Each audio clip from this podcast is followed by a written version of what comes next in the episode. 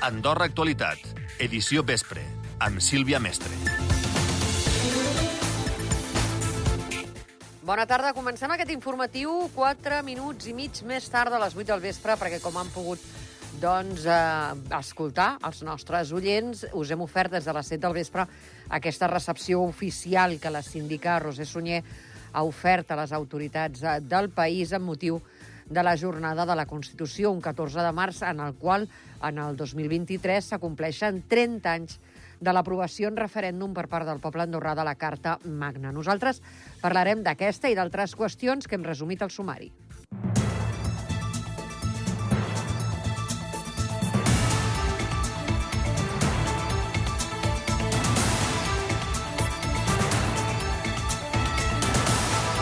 Reivindicació del Coprincipat i crida a fer un esforç i allunyar-se de la por per tirar endavant l'acord d'associació. Són dos dels eixos del missatge de la síndica general Roser Sunyer en el 30è aniversari de la Constitució. Roser Sunyer també ha demanat als representants que surtin de les eleccions vinents que treballin per garantir l'habitatge digne i una herència sostenible als joves. Demà no serenon els debats quan parlem de la nostra configuració, perquè la solidesa del nostre país és un bé preuat que hem de tenir present en tot moment. El decurs de la vida ens ensenya que els canvis arriben en el moment just que els correspon i forçar que es produeixin ens aboca a situacions de les quals després no sabem trobar-ne la sortida. I és que la Constitució arriba a un 30è aniversari des de fa tres dècades que la població l'aprovava amb més del 70% dels vots. Recordarem també una mica l'històric de com va ser tot aquest procés. Els equips de ràdio i televisió d'Andorra han estat treballant en diferents reportatges aquests dies. D'altra banda, aquest dia és tan assenyalat per la població que, més, enguany celebra un destacat aniversari, ha arrencat amb una jornada de portes obertes a Consell General amb visites gratuïtes a Casa Balavall, que acaba que ha acabat a les dues del migdia. Tot plegat ha estat una ocasió idònia pels turistes per conèixer la història i les principals institucions del nostre país. I entre d'altres notícies, ja lluny de l'efemèride de la Constitució, hem de dir que Andorra continua sent un dels països amb més accidents laborals del continent. El 2022 n'hi va haver 3.438, molt per sobre de la mitjana europea. Els especialistes denuncien que hi ha poca reglamentació sobre prevenció de riscos i poc control de les empreses que es dediquen a aquest camp. I d'altra banda, ha estat avui una jornada també marcada esportivament per al segon dia d'entrenaments de descens a la pista Àliga del Tarter, malgrat que el protagonista avui ha estat Joan Verdú. L'Andorrà es veu preparat per gaudir de la cirereta de pastís a una gran temporada i es mostra optimista de cara a dissabte en una pista que coneix molt bé.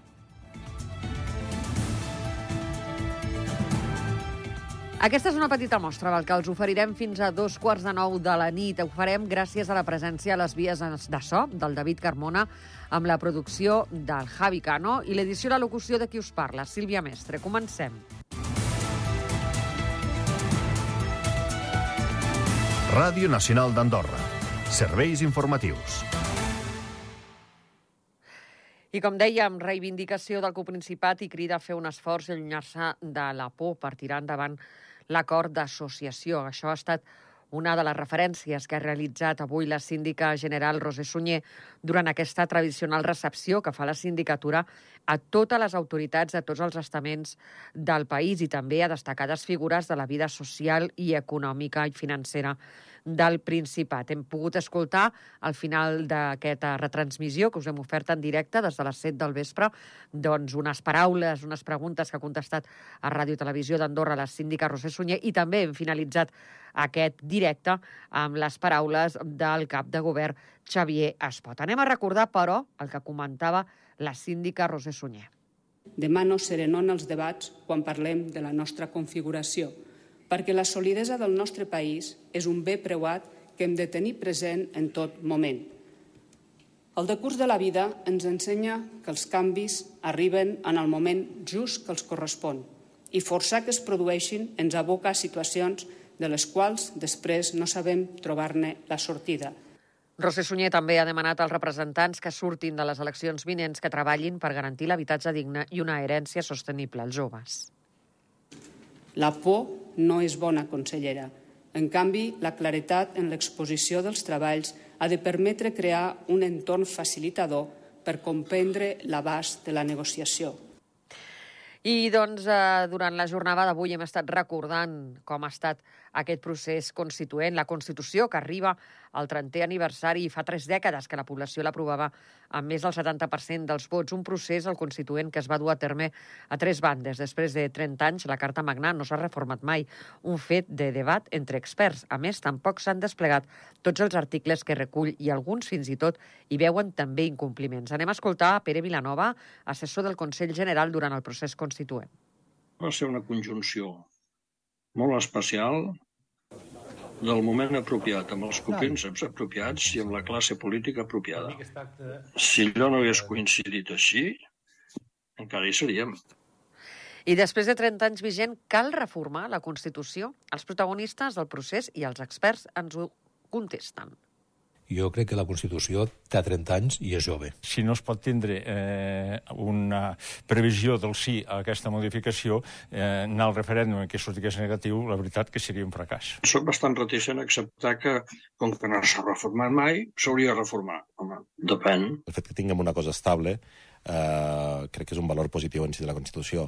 El que passa és que això s'ha de conjugar amb el fet que cada generació té dret a poder dir la seva. S'ha de canviar la Constitució. I per què? Tot el que he sentit fins ara mm, mm, crec que és un problema de desenvolupament de la Constitució. En funció de les necessitats eh, del país i de la societat es va desenvolupant.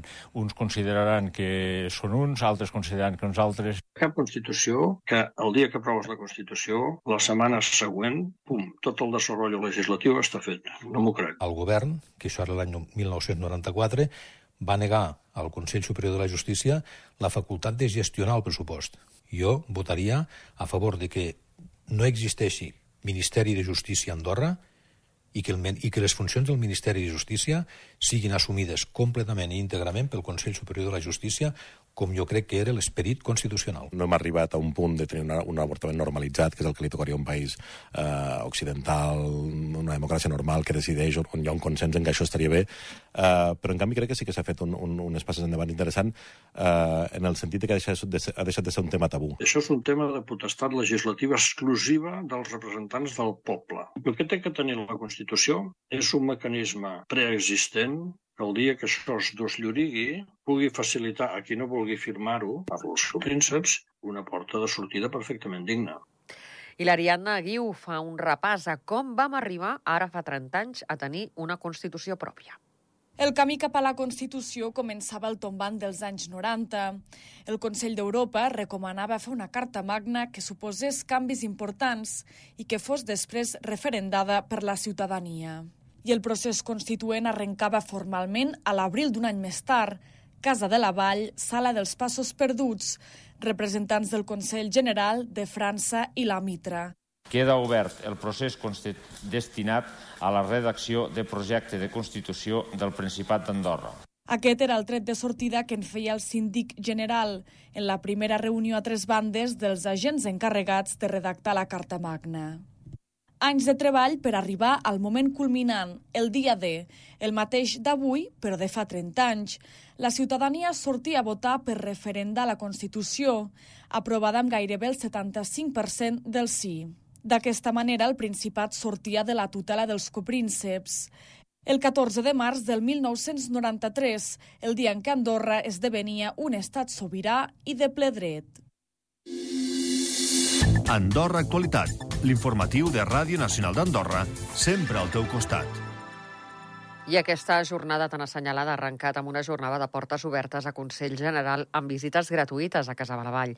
Una ocasió idònia per visitants per conèixer la història i les principals institucions del país. Molts hi han anat en família i és que consideren essencial compartir el coneixement i l'experiència també amb els més petits. Aquest any ha fet 30 anys que vivim aquí al Principat i m'ha fet il·lusió venir aquí. Cada any a la Constitució venim. Sempre treballant, doncs no he, no he tingut l'oportunitat de venir a veure això. Si no vens aquest dia no, no pots entrar generalment i és un dia que aprofites pues, per veure-ho. Clar que és important que sigui obert al, al poble, de fet és, el poble és propietari del Consell. Jo crec que és necessari conèixer la història d'Andorra. Que els coprínceps passin a, a segon terme, per dir d'alguna manera, i que el poble pugui decidir sobre ell mateix i que ja faci 30 anys d'això, bueno, pues, hi ha un recorregut a fer, però fins ara penso que molt interessant i, de fet s'han fet moltes coses. És un poco como una muestra muestra de agradecimiento también por todo lo que nos ha brindado Andorra, eh, también conocer la historia, eh, aprender catalán, siento que es parte de vivir aquí. I aquest matí la plaça del Consell ha acollit l'espectacle Terra a càrrec de l'Esbar Laurèdia. Per l'ocasió ha comptat amb la col·laboració de l'Esbar Dansaire d'Andorra la Vella a través de la dansa, la música i les cançons. 32 dansaires han representat el naixement i l'evolució fins als nostres dies d'un dels parlaments més antic d'Europa, el Consell de la Terra, el que ara coneixem com a Consell General. I enguany la novetat de la jornada de portes obertes ha estat una exposició instal·lada en un passadís secret que s'obre comptades vegades i que connecta l'antic i el nou Parlament. Avui l'hem visitat amb la síndica general que fins i tot ens ha explicat algunes dels seus records d'infància. La Rosa Albert l'ha recorregut acompanyada de la síndica. Casa de la Vall incloia eh, tots els rols, era el poder executiu, legislatiu i judicial, i per tant tenia la presó, i és un record que jo tinc encara d'infància, de veure la, la presó, el pati, des d'aquí, des de Casa de la Vall. Es veu als diferents, eh, diferents moments de la pròpia Casa de la Vall. És un edifici que el Consell comença a utilitzar al segle XVII i aleshores el tenim des de diferents moments amb com es va reconstruint. I es veuen les diferents sales, les sales bàsiques que hi ha, eh, que són la, la Passos Perduts, l'hemicicle, com s'han anat transformant. Per això, en un dia com avui, passada Casa de la Vall, un edifici que conserva tota la seva idiosincràsia, el Consell General, on avui dia es desenvolupa l'activitat parlamentària, agafa un sentit especial en l'any que Andorra celebra els 30 anys de la seva Constitució. I aquests 30 anys de la Constitució són també els de la Fundació ONCA, que avui ha ofert un concert per commemorar el naixement de la Carta Magna amb un repertori de cançons andorranes i l'estrena d'una peça encarregada a l'escriptor Albert Villaró, musicada pel director artístic Albert Gomí. Des del final de la Gran Glaciació, fa més de 12.000 anys, fins al dia que es va consolidar la Constitució del Principat d'Andorra, hi van 40 minuts en què els actors Raquel López i Oriol Guillem, sota la direcció escènica de Joan Hernández, han acompanyat l'espectador per un viatge en què la paraula i la música han fet parades en la història d'Andorra per entendre com un petit país s'ha imposat a les tensions foranes preservant la seva sobirania. Andorra Actualitat, l'informatiu de Ràdio Nacional d'Andorra, sempre al teu costat. I any rere any, Andorra se situa molt per sobre de la mitjana comunitària pel que fa a la sinistralitat laboral. El 2022 es va tancar amb 3.438, dos dels quals mortals, que van provocar 1.600 baixes laborals amb una mitjana de 44 dies. Però la xifra, segons els especialistes, no s'ajusta a la realitat, perquè si fos així caldria elaborar l'índex d'incidència com a la resta d'Europa, tenint en compte el nombre de baixes i el de salariats. Lamenten que la Caixa Andorrana de Seguretat Social, la CAS, no el facilita o directament no el fa. Escoltem a Aurelia Ribas, CEO de Mutuant, i a Héctor Pin, tècnic superior en previsió de riscos d'Unida. A dia d'avui les dades de la CAS no es publiquen d'aquesta manera com es fa a la resta d'Europa. Entenc que els ha d'elaborar. De, Després que els faci públics o no, ja és cosa seva.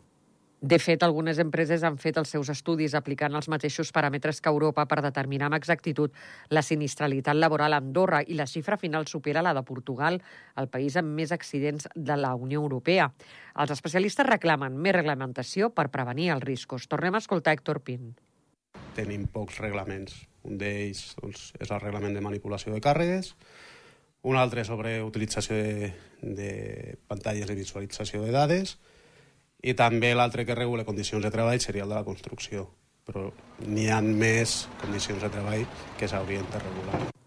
Aquesta demanda hauria d'anar acompanyada d'una regulació estricta per les empreses que ofereixen serveis de prevenció i seguretat laboral. A Andorra, la construcció continua sent el sector on es registra el nombre més elevat d'accidents laborals. I precisament la policia i el Servei d'Immigració haurien trobat indicis de males praxis i irregularitats laborals relacionades amb treballadors de temporada en algunes empreses. Així ho indica el president de l'Associació Argentinos en Andorra, Marcelo Ponce. Celebra el nombre d'inspeccions i controls que s'han fet, però anima les persones afectades a denunciar. Han fet eh, controls en, en moltíssims llocs, no només el que nosaltres li vam portar la, la, les denúncies, en altres. Han trobat eh, casos reals de mala praxis, ens han obert les portes perquè qualsevol vagi, consulte, pregunte, denuncie, eh, perquè, perquè aquesta situació s'ha d'acabar i anem a un altre efemèri de tres anys després de l'Organització Mundial de la Salut declarés la Covid-19 pandèmia i que Andorra es decretés el confinament, l'afectació del virus a tot el món ha disminuït, tot i que no ha desaparegut. Segons l'Organització Mundial de la Salut, l'OMS, al febrer el nombre de morts havia davallat més del 60% respecte al mes anterior i els contagis més del 75%. La vacunació completa, però, no ha arribat ni al 70% de la població i sembla haver-se estancat. I precisament aquests eh, tres anys que començava un confinament que no sabíem quan duraria, amb mesures de prevenció per combatre la Covid-19, que ha anat evolucionant aquest confinament en funció de la situació epidemiològica de cada moment. Què hem après de les diferents etapes viscudes? Hem sortit al carrer a preguntar-ho. Jo crec que hem après a conviure entre nosaltres, a, a mirar una mica per als demés i a que hem de viure l'avui i no el demà. Almenys a cuidar-nos un poquito más, ¿no? En todo, alimentació i en todo. Una mica d'higiene, tots, eh, el tema de rentar-se les mans, de no, no tocar baranes, una mica de respecte amb aquest tema. Però jo crec que tema mascaretes ja, ja ens hem oblidat una miqueta. I crec que potser sí que ens aniria bé el, quan estem malalts, sí que respectar una mica als altres i posar-nos la mascareta, que això no ho fem, la gran majoria. Tan acostumbrado a, a unas pautas y lo vas, te vas acostumbrando a ellos, yo creo que ya, te, ya lo tienes como, pues, como un cotidiano. Lo que hemos aprendido o deberíamos haber aprendido es tomar medidas de protección eh, propias, pues con el uso de mascarillas, lavado de manos, etc. Hem après potser a valorar una mica més el que teníem, no? però tampoc gaire. El teletreball és l'única cosa que ha anat bé i jo crec que es quedarà. Debíamos haber aprendido a tener algo más de cuidado con, lo, con las medidas de seguridad y eso que, que tenemos. Que creo que hemos aprendido muy poquito aún. Ansiosos por salir a la calle otra vez tancat a casa tant temps i sense sortir al carrer, psicològicament ha afectat una mica. I canviem a l'actualitat parroquial. El bus a la demanda Escaldenc confirma l'augment d'usuaris. Ha tancat el 2022 amb 74.600. Són uns 200 trajectes al dia de mitjana. L'utilitzen habitualment dones, joves i persones amb mobilitat reduïda. La iniciativa es va posar en marxa el juny del 2021 i és gratuït. Per poder utilitzar-lo cal una reserva prèvia. Anem a d'altres qüestions, però abans fem una pausa per la publicitat i tornem amb la crònica esportiva. Tota la informació a l'Andorra Actualitat. Ràdio Nacional d'Andorra. Sempre al teu costat.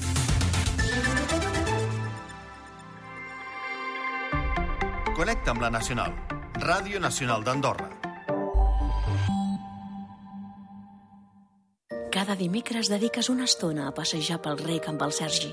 Per ell, és l'únic moment de la setmana que surt de casa. Per tu, és saber què has de fer amb qui ha patit un ictus. Amb sempre acompanyats, regala els temps. Creu Roja. Nosaltres sabem lo important que és per a tu i els teus el vostre niu, així com l'arbre que el sosté. Per això, a Cent Mòbil, amb l'ajuda de les nostres marques, t'ajudem a alçar el teu niu, aportant-li confort i seguretat. Regar l'arbre i fer país és feina de tots, ara més que mai. Cent Mòbil, especialistes en confort i descans. Carrer Riberaigua 41 i Avinguda Tarragona 34, Andorra la Vella. Telèfon 860 934. Del 13 al 19 de març, Soldeu i el Tarter tornaran a ser l'escenari de les finals de la Copa del Món d'esquí alpí masculí i femení. Viu aquest esdeveniment des de les grades o gaudeix de l'espectacle des de les àrees VIP. Compra ara la teva entrada a granvalirasoldeuworldcup.com Gran Valira, the place to be a champion. Andorranes, andorrans, des del Futbol Club Andorra us volem desitjar un feliç dia de la Constitució. Per nosaltres és un orgull defensar el nom i els colors del país fora de les nostres fronteres. Per seguir creixent plegats, celebrem junts el nostre dia. Feliç dia de la Constitució. Visca Andorra i visca l'Andorra.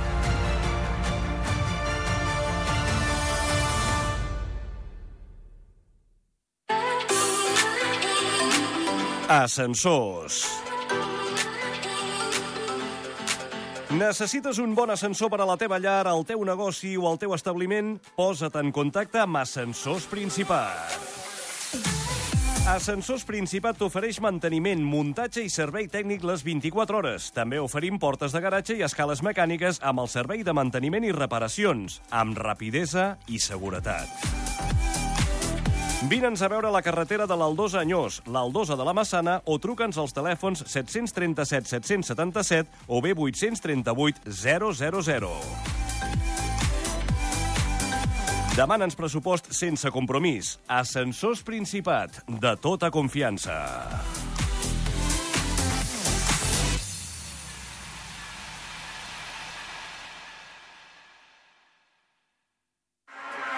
Connecta amb la cultura. Connecta amb la nacional.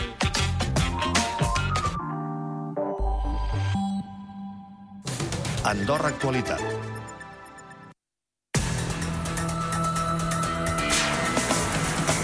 I ja estem preparats amb els companys de la redacció d'Esports. Aquí a l'estudi, el Sergi Cano. Bona tarda. Bona tarda. I comencem parlant d'esquí, de Joan Verdú. Doncs sí, perquè ha estat el gran protagonista avui en aquestes finals de la Copa del Món, que donaran demà el tret de sortida amb les proves d'ascens, primer la masculina, després la femenina, però com dèiem, avui Joan Verdú ha estat el protagonista, que arriba ja amb la feina feta després de classificar-se per aquestes finals. Recordem, va ser 20è en la classificació general, es classificaven els 25 millors eh, primers classificats, i hem de dir que Joan Verdú no renuncia absolutament a res en la cursa que disputarà aquest dissabte. Poder estar aquí ja de per si era el nostre màxim objectiu i ja de per si ho considero una victòria. No sortiré a passejar-me, vull fer una bona carrera davant tots vosaltres, vull demostrar el que sóc capaç. Sento que m'he tret una mica el pes de sobre de seri i ara pues, crec que em mereixo disfrutar de la carrera. Serà un dia molt especial. Un Joan Verdú que estava content i, sobretot, eh, pel que fa a la pista, ha comentat, la pista de la Bet, ha comentat que té bons records després d'aixecar el títol de campió d'Europa l'any passat. Li tinc molt bon feeling.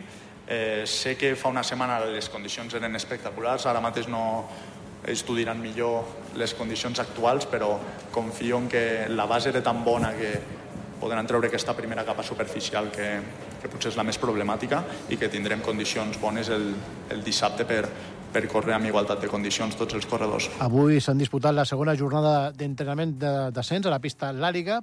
El més ràpid ha estat el noruec Adrien Segerstedt en categoria masculina, mentre que en noies ha estat Nina Orleb, l'austríaca, que ha donat la sorpresa. Demà, com diem, les dues proves de descens masculí i femení. Qui no ha participat en les dues jornades d'entrenament ha estat la gran dominadora de l'esquí mundial, Micaela Schifrin.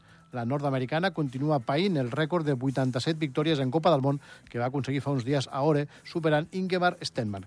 A Andorra, eh, Schifrin recollirà tres globus de cristall, el de la General i els d'Eslalom i Gegant. El país li porta bons records, com ha confessat en una entrevista a l'organització. Escoltem Micaela Schifrin. Continuo veient el número 87 a tot arreu. I la gent em pregunta quan superaré aquesta xifra. Em sento estranya. És una fita i crec que passarà molt temps fins que m'acostumi. Potser no ho faig mai. Potser no val la pena ni intentar-ho. Tinc molts bons records de les finals de fa 4 anys. I continuem amb la selecció d'handbol, Sergi. Doncs sí, perquè tornarà a disputar el Campionat de Nacions Emergents, que viurà la quarta edició després de l'aturada per la pandèmia. El torneig serà a l'abril a Varna, a Bulgària, i Andorra jugarà la primera fase contra Malta i la debutant índia. El seleccionador David Airar està satisfet del nivell que hi ha a la convocatòria.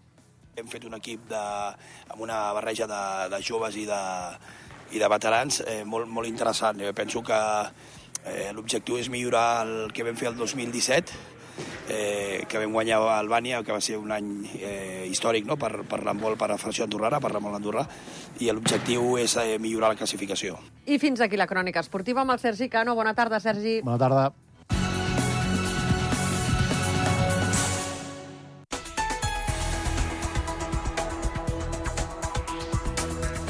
I ara anem a fer un cop d'ull a la previsió del temps amb Lluís Miquel Pérez. Bon vespre. Bon vespre. Avui ha baixat la temperatura, no cal dir-ho. Un ambient que ha estat agradable a les valls centrals del país al llarg d'aquesta tarda, però no pas tan càlid com ahir. I a més a més, de forma intermitent, hem anat tenint alguns moments de núvols que a parròquies altes, als camps de neu de fet, han anat deixant aquestes febles nevades intermitents. La tendència d'aquesta nit i de demà és que aquests núvols es vagin dissolent i trencant en gran mesura. Encara demà al matí en quedaran alguns, sobretot a parròquies altes, però ja quan més cap al sud el cel molt més serè. També aquesta nit la temperatura baixarà una miqueta més, per tant tornarem a tenir algunes gelades, sobretot a les valls de parròquies altes, i tot plegat amb menys vent. Per tant, també s'acaba aquesta ventada, que sobretot a cotes altes avui era força evident. Demà aquest vent serà molt més feble, ja diem que amb núvols que s'aniran esqueixant, i la temperatura de la tarda que pujarà una altra vegada respecte avui. Per tant, una altra vegada demà, cap als 16-17 graus de màxima. Arribarem a tenir a parròquies baixes, un ambient una altra vegada més primaveral. Molt bon vespre. I falten 30 segons per dos quarts de nou de la nit. Ens acomiadem, ens ha acompanyat a les vies de sol David Carmona, a la producció Javi Cano i l'edició i la locució de qui us ha parlat, Sílvia Mestre. Recordeu que cada hora en punt tornen les notícies aquí a Ràdio Nacional d'Andorra. Adéu-siau.